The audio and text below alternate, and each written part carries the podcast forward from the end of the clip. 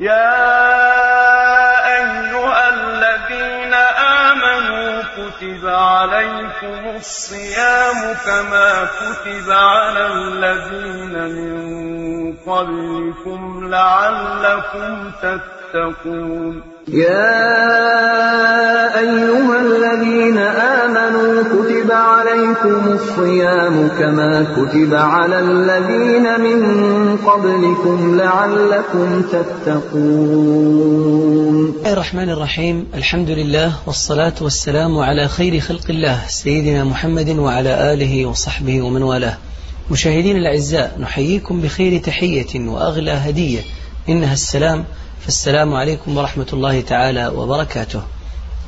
كان ولا يزال بين الدهور والأيام شامة لأنه للحبيب آية وعلامة فهنيئا لمن حقق فيه الاستقامة ويا غبن من حظه منه التفريط والندامة. ذكر وقرآن وصيام وإحسان صفح وغفران ذاك أنت يا شعبان. شعبان شهر البر والإحسان. هو موضوع حلقتنا لهذا الأسبوع من برنامجكم الراصد والذي نستكمل فيه ما ابتدأناه في الأسبوع الماضي عن هذا الموضوع. ضيفنا دائما وأبدا شيخنا المحبوب فضيلة الشيخ محمد بن صالح المنجد. حياكم الله معنا شيخ محمد وأهلا وسهلا ومرحبا. حياكم الله أهلا وسهلا جميعا.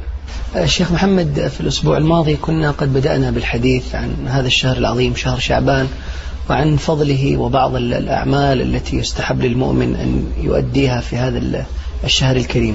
فهل من استعادة لبعض الفضائل ولمحة موجزة عن بعض ما ذكرنا في الأسبوع الماضي؟ الحمد لله رب العالمين والصلاة والسلام على نبينا محمد وعلى آله وصحبه أجمعين وبعد. فقد تقدم معنا أن شعبان مأخوذ من شعب يعني ظهر أو شعب بمعنى تفرق وأن هذا الشهر شهر عظيم.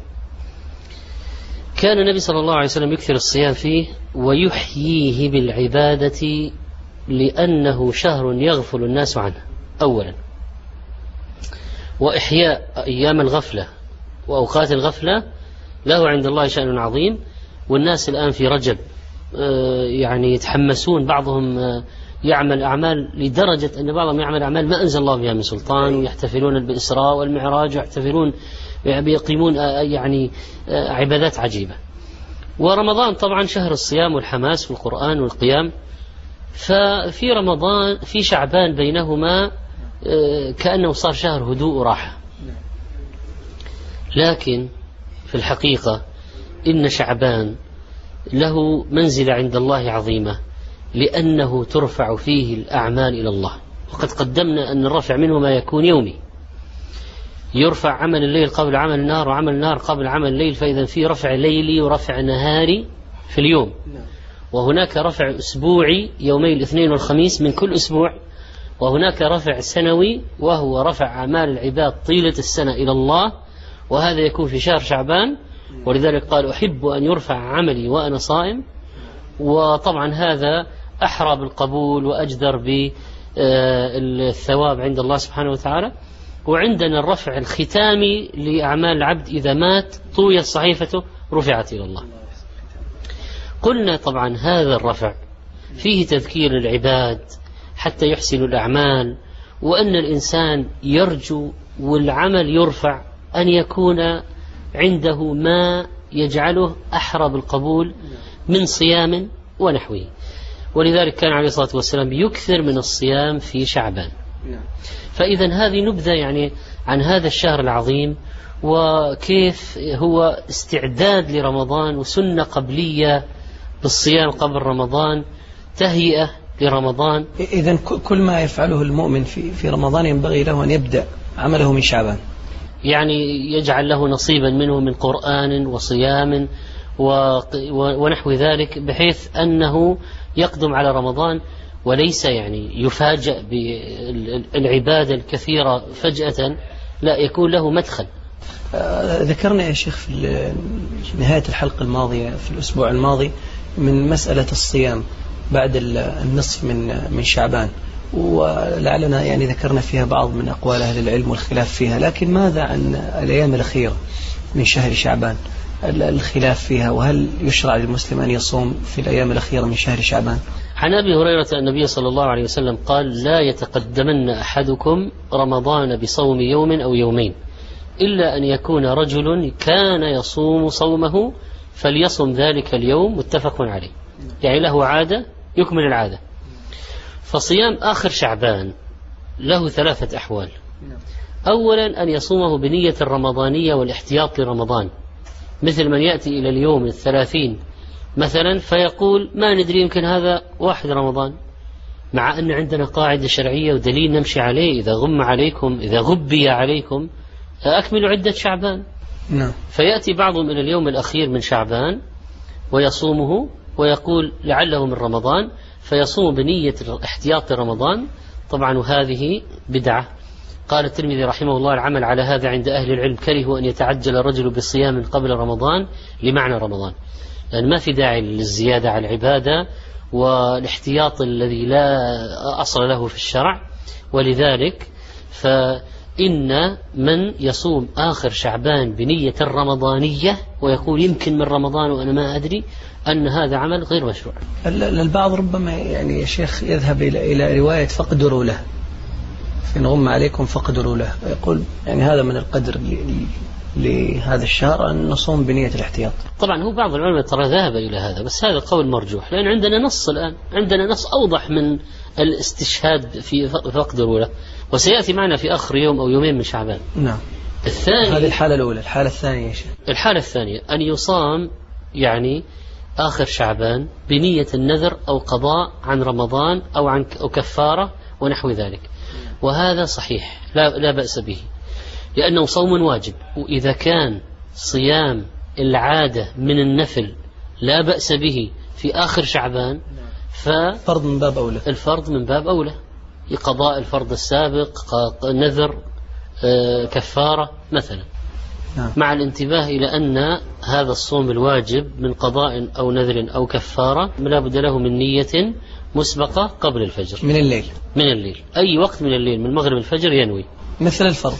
اي ما يصلح واحد مثلا يقوم الصباح مثلا الساعة ثمانية يقول أنا ما أكلت ولا شربت يلا خلي هذا قضاء. ما ينفع لازم يكون مبدوء من أوله بنية الفرض آه، النوع الثالث نعم. من. الحالة الثالثة من الصيام في آخر شعبان أن يصومه بنية التطوع المطلق فهذا المكروه إلا إذا وافق عادة ولذلك حديث أبي هريرة هو المعمول به عند أكثر أهل العلم في هذا الباب يعني يكره التقدم قبل رمضان بتطوع من الصيام لمن ليس له عادة. طيب هذا فيما يتعلق بالأيام الأخيرة ماذا عن اليوم الأخير تحديدا يا شيخ والذي يعرف بيوم الشك آخر يوم من شعبان؟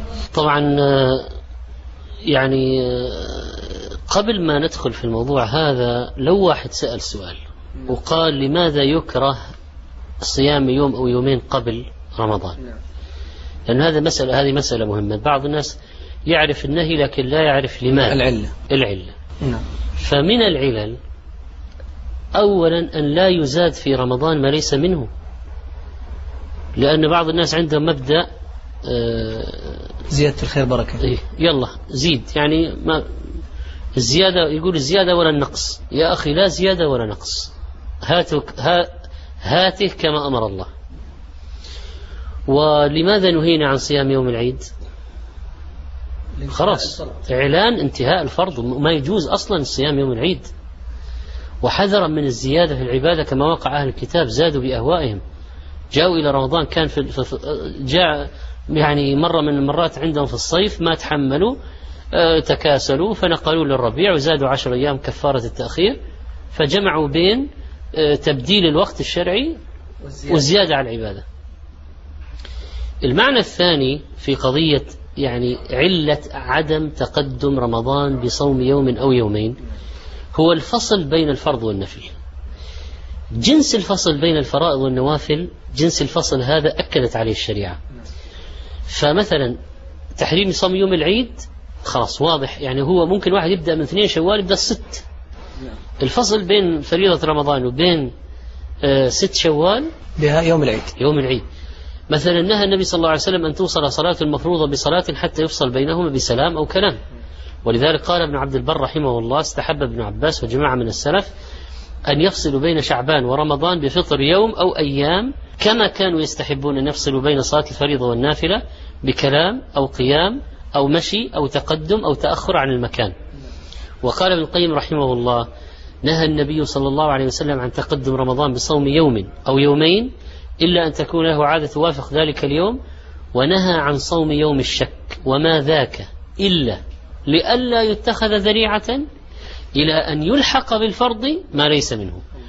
وكذلك حرم صيام يوم العيد تمييزا لوقت العبادة عن غيره لئلا يكون ذريعة إلى الزيادة في الواجب كما فعلت النصارى. ثم أكد هذا الغرض باستحباب تعجيل الفطر وتأخير السحور. السحور. حتى يكون يعني اليوم الصيام مضبوط. وقت الصيام من الفجر إلى المغرب. واستحباب تعجيل الفطر يوم العيد قبل الصلاة تأكيدا على أن الصيام انتهى. وكذلك ندب إلى تمييز فرض الصلاة عن نفلها. بعض مثل الأعاجم الآن تراهم إذا سلم الفريضة قام مباشرة يؤدي السنة. يؤدي نافلة. طيب هذا ذريعة للزيادة في العبادة ووصل النفل بالفرض.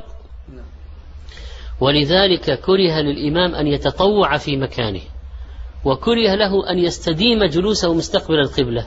لماذا؟ شوف من أسباب الانفتال. ليش انفتل الإمام المأمومين بعد الصلاة؟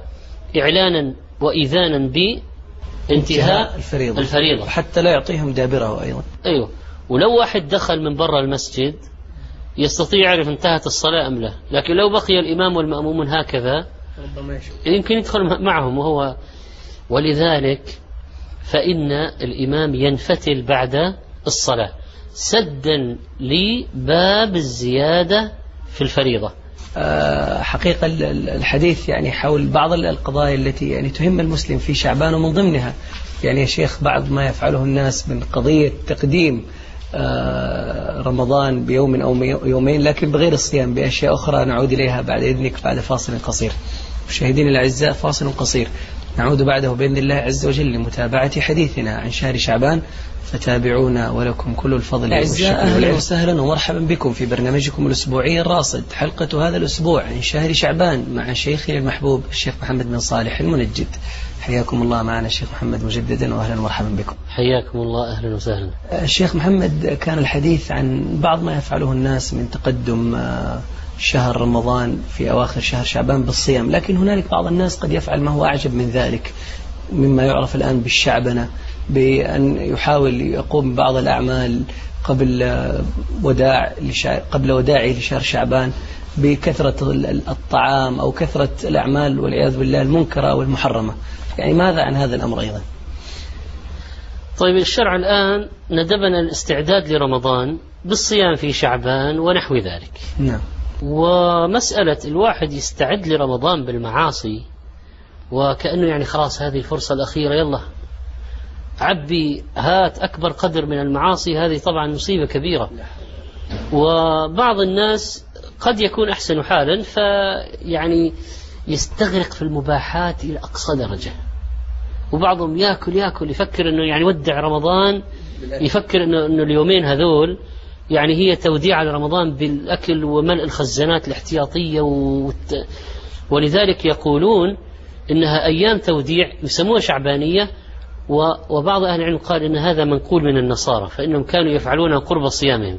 يعني قبل ما يبدأ الصيام عندهم يعني أكل أكل أكل يعني كأنه واحد ما شاف الطعام وليس المقصود من المنع من الصيام قبل رمضان أن نستعد بالأكل والشبع. خلاص يعني يصير كأي يوم عادي يعني كما نأكل في أي يوم عادي يعني. نعم. ما في زيادة يعني. وليس المقصود أن نعمل احتفالات يعني ونستعرض فيها الأكلات وكل واحدة من الجارات تأتي ب. هذا الآن صار ترى عادة مترسخة في بعض المجتمعات. أبد الجارات والقريبات عندهم يعني استنفار. أمر لازم أمر استنفار قضية استعراض يعني الأطعمة آخر ليلة يعني توديع بكثرة الأطعمة. لا حول والعصاة يستعدون بالزيادة من المعاصي ويقولون قبل ما يدخل رمضان. خلينا خل خصوصا الآن ونحن الآن في إجازة نعم. صيفية فبعضهم يقول خلينا نخلص كل نطلع كل اللي في رأسنا من المعاصي نسويه حتى ندخل في رمضان. نحن خلاص ما في نفوسنا شيء مع كلها سويناها. النفس ما تستطيع. يعني أولا من يضمن لكم أن تدخلوا في رمضان؟ وإذا واحد مات يعني في هذا الوقت ويكون قد ملأ سجله بالمعاصي فما إن لقي الله بماذا؟ بسجل حافل بالمعاصي؟ والمسألة كما قال ذلك الشاعر الفاسق إذا عشرون من شعبان ولت فواصل شرب ليلك بالنهار ولا تشرب بأقداح صغار فإن الوقت ضاق عن الصغار. شوف هو يقول الوقت ضاق عن الصغار لا تستعمل الصغار الآن الحق. فيكثرون من شرب الخمور قبل دخول الشهر والعياذ بالله. طيب من كانت هذه حاله؟ اللي حاله كل العملية أنه يتزود بالمعاصي أو يتوسع في المباحات. أكثر أي نفسية هذه التي سيقبل بها على رمضان؟ ما تستطيع النفس الانتقال السريع هذا. طيب إيوه ولذلك لازم شعباني فيه تمهيد. في تمهيد لرمضان تهيئة وليس قطع فجأة يعني انتقال مفاجئ. ويعني حال أهل الدنيا هو هذا التوسع ولقد ذرأنا لجهنم كثيرا من الجن والإنس لهم قلوب لا يفقهون بها. والذين كفروا يتمتعون ويأكلون كما تأكل الأنعام. وقد جاء عن في يعني قصة لأحد السلف أن أنه كان مصرا على شرب الخمر فجاء آخر يوم من شعبان وهو سكران فعاتبته أمه وهي تسجل تنورا فأخذها وحملها وألقاها في التنور في الفرن فاحترقت. وتاب بعد ذلك ولكن مع ذلك رؤية في المنام أن الله غفر الحجاج إلا له. طبعا الله يغفر الذنوب جميعا نحن نعرف لكن قد تكون بعض الرؤى لتأكيد التوبة والتحذير من هذا العمل. فيعني ينبغي أن يعني نفكر بعقولنا على ضوء الشرع يعني. نعم. النهي عن تقدم رمضان بصوم أو يوم, يوم أو يومين قطعا لذريعة الزيادة في العبادة. هذا بالدرجة الأساسية. وليس للاستعدادات الأخرى نعم. من الطعام والمعاصي. نسأل الله العافية. طيب يا شيخ عودة إلى إلى صيام يوم الشك. هو آخر يوم يعني من شهر شعبان. هل هنالك نهي آخر غير النهي عن تأخر عن تقدم رمضان بالصيام في آخر الأيام؟ أي نعم طبعا ورد في ذلك القاعدة المعروفة عن النبي صلى الله عليه وسلم. اليوم اللي هو ثلاثين شعبان وإذا صار في غيم ولا ندري قد يكون واحد رمضان إيش القاعدة؟ قال صوموا لرؤيته وأفطروا لرؤيته فإن غبي عليكم يعني خفي عليكم فأكملوا عدة شعبان ثلاثين. رواه البخاري. إذا عندنا قاعدة فأكملوا صريحة. هذه أصرح من فقدروا له قدرها يعني نستنبط منها إن, إن نصوم احتياطا. لا. فأكملوا عدة شعبان ثلاثين. إذا غبي عليكم هذا الإجراء. ما هو احتياط احتاطوا وصوموا ثلاثين؟ لا. قال إذا جاء النص انتهى الخلاف. أيوة أكملوا عدة شعبان ثلاثين. وكذلك روى الترمذي والنسائي من حديث عمار بن ياسر قال من صام اليوم الذي يشك فيه أو يشك فيه الناس فقد عصى أبا القاسم صلى الله عليه وسلم. صححه الترمذي وقال والعمل على هذا عند أكثر أهل العلم من أصحاب النبي صلى الله عليه وسلم ومن بعدهم من التابعين كرهوا أن يصوم الرجل اليوم الذي يشك فيه. والحافظ حجر العسقلاني رحمه الله علق فقال قوله يعني قول عمار فقد عصى أبا القاسم صلى الله عليه وسلم استدل به على تحريم صوم يوم الشك لأن الصحابي لا يقول ذلك من قبل رأيه. إذا المسألة للتحريم وليست للكراهة. هي ليست الكراهة لأن لأن عبارة فقد عصى أبا القاسم ما تأتي على المكروه. عصى يعني محرم. فيكون من قبيل المرفوع. وقال شيخ الإسلام تيمية رحمه الله ينهى عن صوم يوم الشك لما يخاف من الزيادة في الفرض ولأن الأصل بقاء شعبان. يعني شوف حتى منطقية التفكير طريقة طريقة منهجية التفكير عند المسلم في أصل نمشي عليه.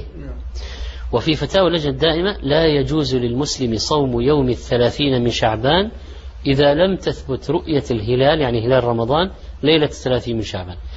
إلا أن يوافق صومه إياه صوما كان يصومه. يعني يصوم الثلاثين لأنه مثلا اثنين لأنه خميس لأنه كان يصوم يوم يفطر يوم متعود هو على هذا من أول ليش؟ لأن النبي عليه الصلاة والسلام قال لا تقدموا رمضان بصوم يوم ولا يومين إلا أن يكون رجل كان يصوم صياما يعني معتادا فليصمه متفق عليه. وقال الشيخ ابن عثيمين رحمه الله الذي يتقدم رمضان بصوم يوم أو يومين كأنه تقدم بين يدي الله ورسوله. كذا يفتات يعني هو كأنه يعني يشوف إنه يبغى يستدرك على ما ما؟ ما نقص أو. يزيد كانه كأنه يعني فيه. فهو يقول أنا أجيب شيء أحوط. لا. قال الشيخ وفيه نوع من التنطع والتشدد. هذا اللي يروح يصوم قبل رمضان. قال ومن كان له صوم اعتاده فلا حرج عليه. كمن كان من عادته أن يصوم ثلاثة أيام من كل شهر ولم يتيسر له صومها إلا في آخر شعبان. فصامها مثلا في اليوم السابع والعشرين والثامن والعشرين والتاسع والعشرين. أفرض أيام البيض كان مسافر. وهو عادة يصوم ثلاثة أيام من كل شهر بس كان مسافرا فصامها في آخر الشهر.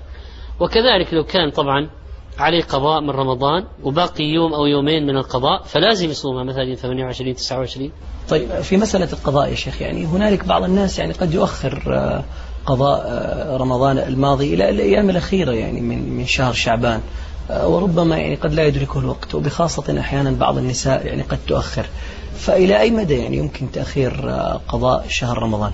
نحن يجب أن نوصي النساء في البيوت نوص- نوصي نساءنا سواء زوجات بنات أمهات أخوات أنه لا يجوز للمرأة طبعا وكذلك للرجل الذي عليه قضاء قد يكون مريضا مسافرا من قبل وعليه قضاء لا يجوز أن يؤخر القضاء حتى يبقى على رمضان أقل من عدد الأيام التي عليه. ما يجوز. وآخر فرصة يأخر فيها بحيث يبقى على رمضان عدد الأيام التي عليه. رغم أنه قد لا يضمن يعني قد تأتي ظروف أو قد يأتي مرض ولذلك الأحسن أن يبادر. لكن لو أخر مثلا امرأة عليها أيام العادة الشهرية. مثلا آه، سبع أيام من رمضان الماضي. فصامت مثلا الثالث والعشرين والرابع والعشرين والخامس والعشرين والسادس والعشرين والسابع والعشرين والثامن والعشرين والتاسع والعشرين من؟ من شعبان. قالت هذه قضاء رمضان الماضي. الذي علي كان علي سبع أيام ما قضيتها. هذا لا بأس به. ح- حتى لو دخل الثلاثين معها يا وإذا كان شعبان ثلاثين لكن إذا كان شعبان ما هو ما ثلاثين تضمن. وراح أخرت الزيادة صارت ورطة. ولذلك ما يجوز تأخر على هذا لأن في احتمال أن لا يكفي. يعني عليها سبع أيام ما يجوز تبدأ من 24 لأنه قد لا يكفي. قد يطلع شعبان 29 وقد روى البخاري ومسلم عن عائشة رضي الله عنها قالت كان يكون علي الصوم من رمضان فما أستطيع أن أقضيه إلا في شعبان وذلك لمكان رسول الله صلى الله عليه وسلم. ألاحظ كيف أنها اختارت القضاء في شعبان لأن النبي عليه الصلاة والسلام كان يكثر الصيام فيه فتصوم معه. شعبان فتصوم معه. طبعا هو يصوم نافلة وهي تصوم ما عليها وربما تزيد نافلة أيضا. فإذا كانت حريصة على القضاء وعلى رعاية الزوج لأنه أحيانا الزوج له حاجة. فربما ولا تصوم المرأة إلا بإذن زوجها. طبعا هنا صوم فريضة يعني صوم قضاء. هي ما تصوم نافلة إلا بإذنه. لكن مع ذلك إذا أمكن الجمع بين حق الزوج وقضاء الفرض في غير وقت حاجة الزوج تفعل ذلك. ويؤخذ من حرصها على ذلك في شعبان أنه لا يجوز تأخير القضاء حتى يدخل رمضان آخر. قال عبد عبد البر رحمه الله في تأخيرها قضاء ما عليها من صيام رمضان دليل على التوسعة والرخصة في تأخير ذلك. لأن شعبان أقصى الغاية.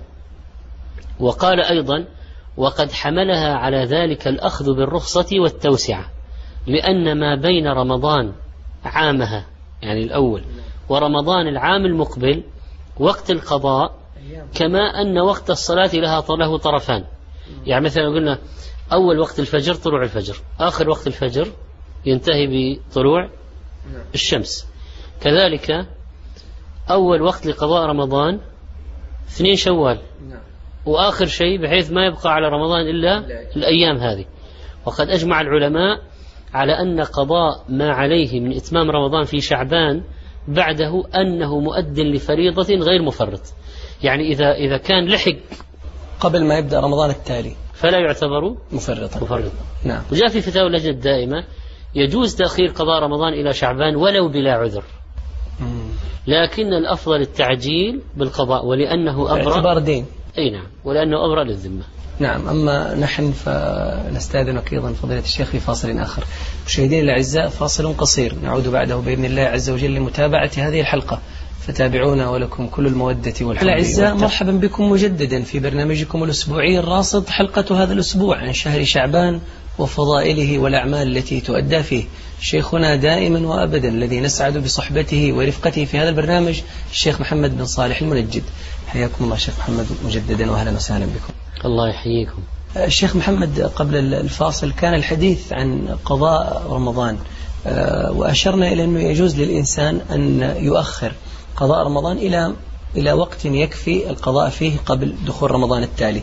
لكن أحيانا بعض الناس يعني قد يتأخر فيدركه رمضان التالي وهو لم يقضي كل ما عليه من الأيام السابقة. فما الحكم في هذه الحالة؟ لو واحد أخر فلا يخلو من حالين.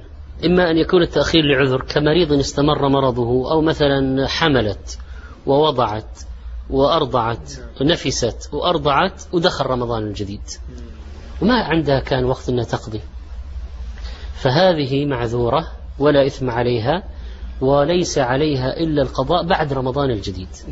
الحالة الثانية يكون التأخير بغير عذر. تفريط. إيه في تفريط واضح. فهذا اتفق الأئمة أن عليه القضاء لكن اختلفوا. هل عليه مع القضاء إطعام يوم عن كل إطعام مسكين عن كل يوم كفارة التأخير؟ فذهب مالك والشافعي وأحمد أن عليه الإطعام واستدلوا بورد عن بعض الصحابة في هذا كأبي هريرة بن عباس. وذهب أبو حنيفة إلى أنه لا يجب عليه مع القضاء إطعام. ولذلك فإن طبعا هو استدل بقوله تعالى ومن كان مريضا أو على سفر فعدة من أيام أخر لكن آه، الأحوط أن يكون مع القضاء إطعام مع التوبة لأنه في ذنب. هنا يوجد ذنب. طيب يا شيخ آه، أيضا في هذا الشهر يعني أشرتم إلى أن هنالك الكثير من الأعمال الصالحة التي يؤديها المؤمن أو المسلم. لكن في المقابل هنالك بعض البدع التي يعني يخص بها بعض الناس هذا الشهر كما يفعله بعض الناس في ليلة النصف من شعبان أو غيرها. يعني ماذا عن تجلية هذه الأمور التي ينبغي المسلم فعلا أن يتجنبها في هذا الشهر؟ من البدع التي أحدثها بعض الناس بدعة الاحتفال بليلة نصف من شعبان هذا واحد. وتخصيص يومها بالصيام.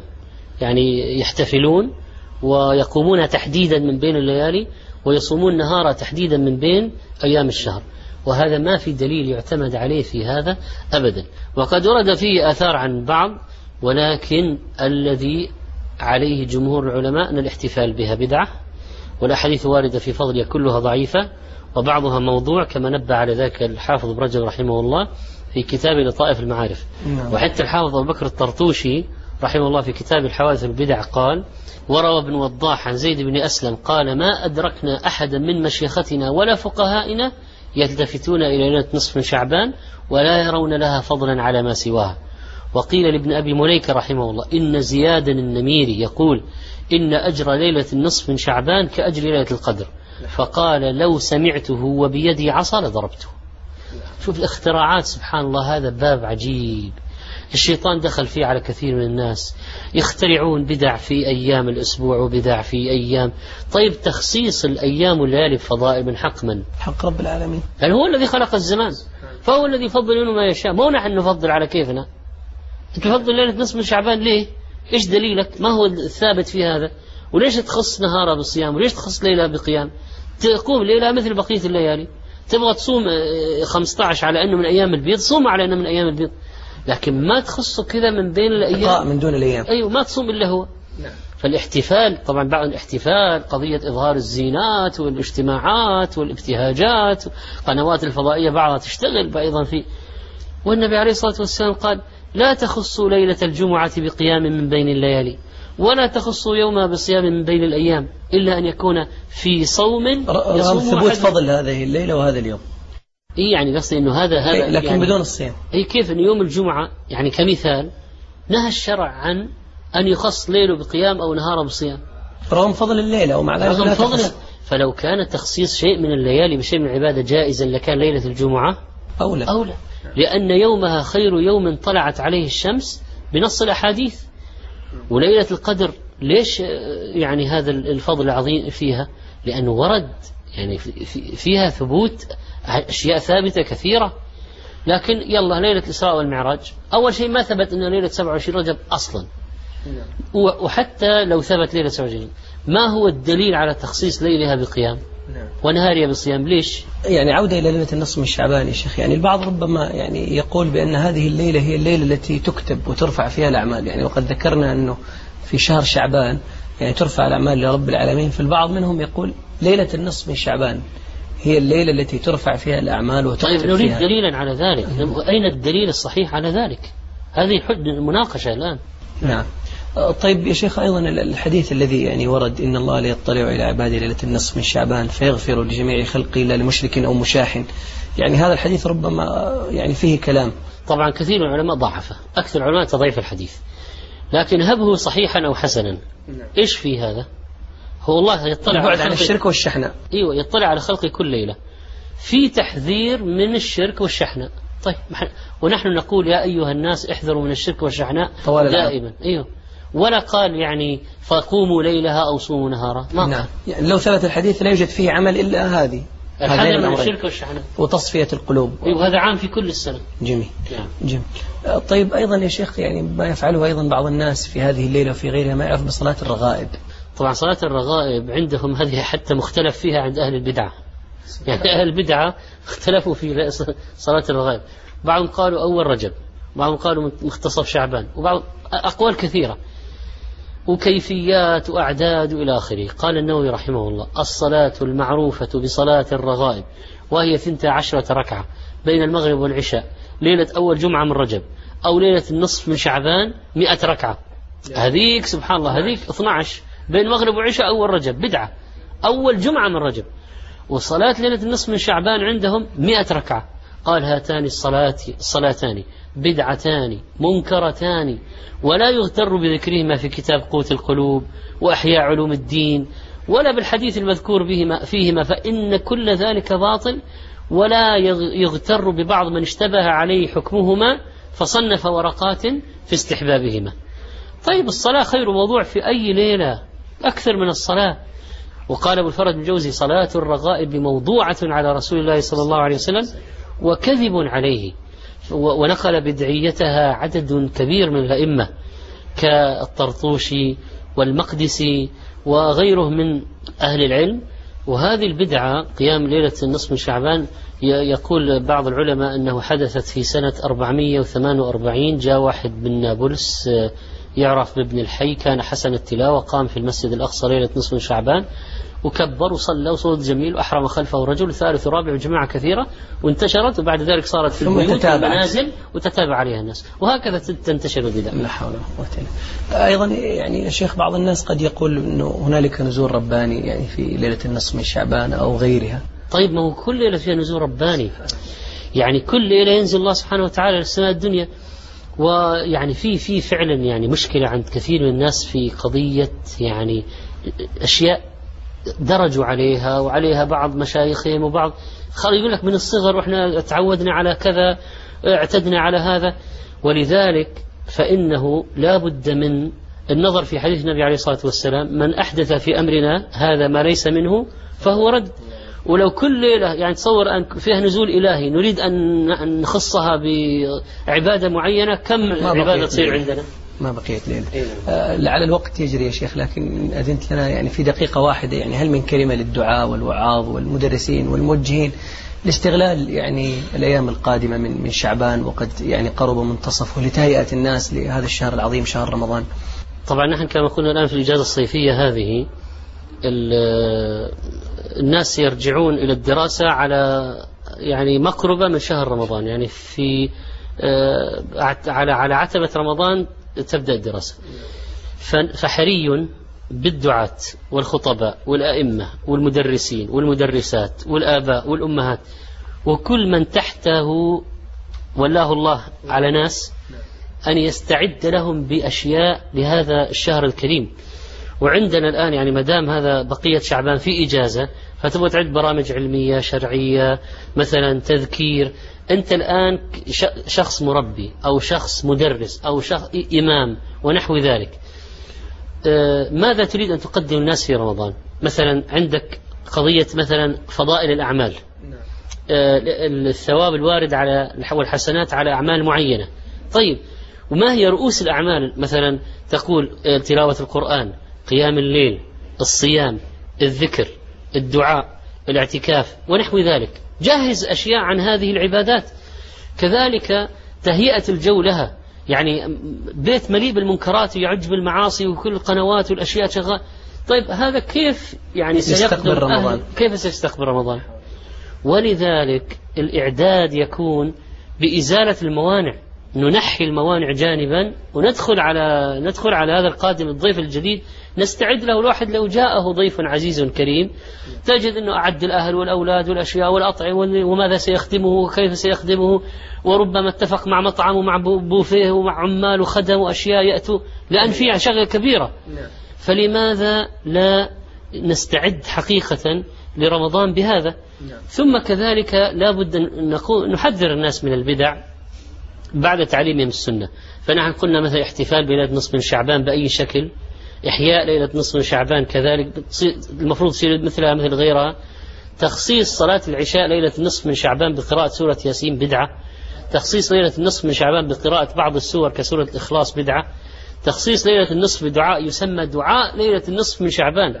ويوجد في بعض الكتب يعني كالدعاء المستجاب وغيره يعني أشياء ما أنزل الله بها من سلطان.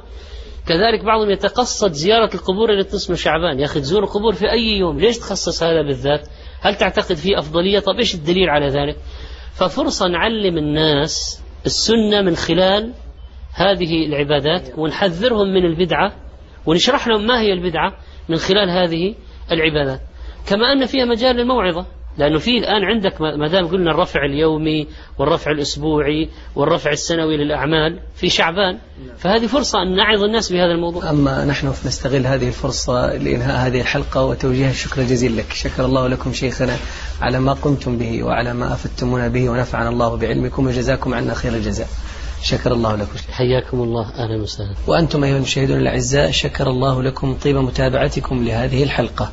ونقول في ختامها إنها أيام الحبيب تقترب ودمع العين ينسكب. شوقا لك يا رمضان يا مجدد الإيمان ويا بهجة الأكوان ويا مسعد الإنسان. عجل الله باللقاء وبلغنا وإياكم أيام السعد والهناء والأنس والصفاء. اللهم بارك لنا فيما تبقى من شعبان وبلغنا رمضان. دمتم في حفظ من الله وعناية ورعاية. إلى وعد قريب متجدد بإذن الله عز وجل. نترككم في عناية الله ورعايته. والسلام عليكم ورحمة الله وبركاته.